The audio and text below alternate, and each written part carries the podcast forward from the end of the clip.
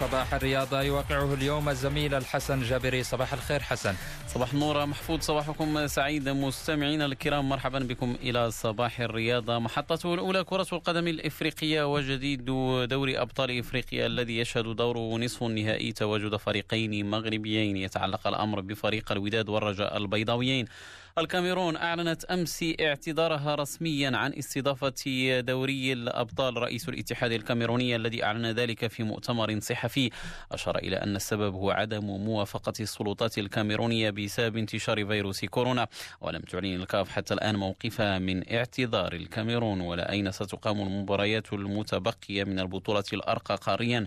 علما أنها كانت حددت في وقت سابق شهر شتنبر لإقامة ما تبقى من مباريات البطولة. ارتباطا بالموضوع أعلن الاتحاد المصري ترشحه لاستضافة ما تبقى من بطولة دوري أبطال إفريقيا.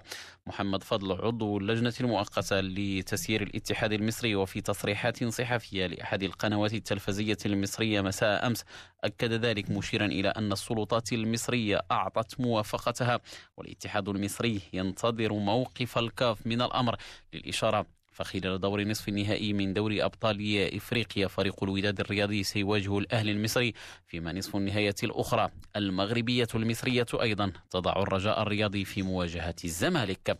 في كرة القدم المغربية أعلنت الجامعة الملكية المغربية لكرة القدم أن المنتخب المغربي لكرة القدم داخل القاعة سيدخل تجمعا إعداديا بالمركز الوطني محمد السادس بالمعمورة تحت قيادة الناخب المغربي هشام دقيق.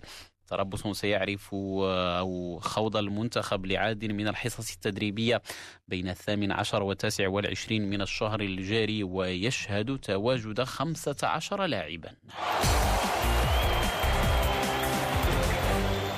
كرة القدم دائما أوروبيا الآن والمستهل من الدوري الإسباني حيث واصل فريق ريال مدريد مسلسل انتصاراته فتغلب أمس على غرناطة بهدفين لواحد في ختام الجولة السادسة والثلاثين ليقترب من حسم لقب الليغا لصالحه مع تبقي جولتين على النهاية. فوز أمس كتب الفريق الملكي فصوله مبكرا منذ الجولة الأولى بهدفي لاعبيه الفرنسيين فيرلون ميندي وكريم بنزيما تواليا في الدقيقتين العاشرة والسادسة عشرة. والفوز رفع به ريال مدريد نقاطه إلى 83 في الصدارة معيدا إلى أربع نقاط. الفريق الذي يفصله عن مطارده المباشر برشلونة وليكون بذلك على موعد مع تتويج الخميس القادم موعد لقائه في الجولة ما قبل الأخيرة أمام فياريال. نقاط الفوز الثلاث تعني تتويج ريال مدريد رسميا بلقب الليغا للمرة الرابعة والثلاثين في تاريخه. الأولى له بعد موسمين غاب عنهما عن تحقيق ذلك لصالح برشلونة. أمس أيضا ولحساب ذات الجولة سقط فياريال بميدانه أمام الريال سوسيداد بهدفين لواحد. فظل بذلك فياريال خامسا. هو ما سمح لإشبيليا رابع الترتيب بحسم التأهل رسميا إلى دوري أبطال أوروبا الموسم القادم.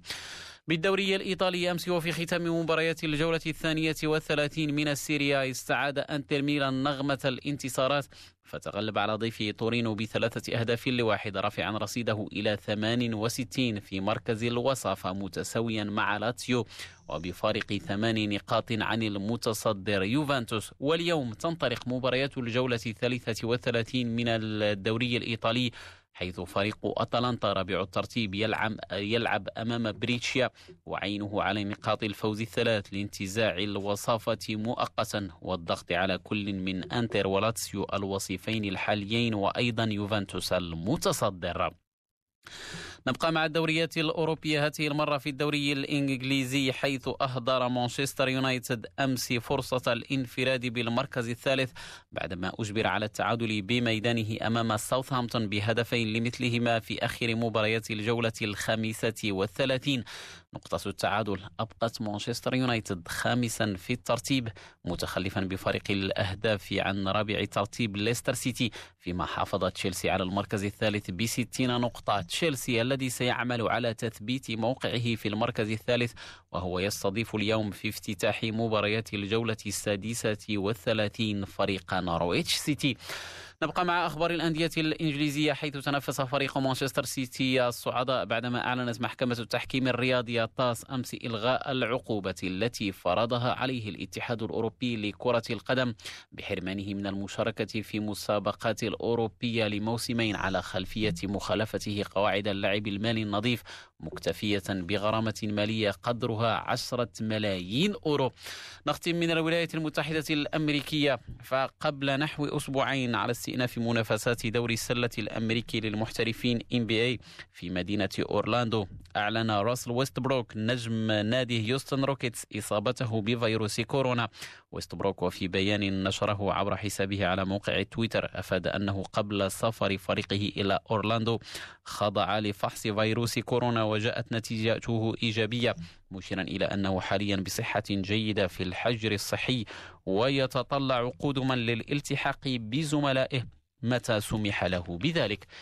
ذلك مستمعين نضع نقطة نهاية صباح الرياضة أشكركم على طيب الإصغاء والمتابعة.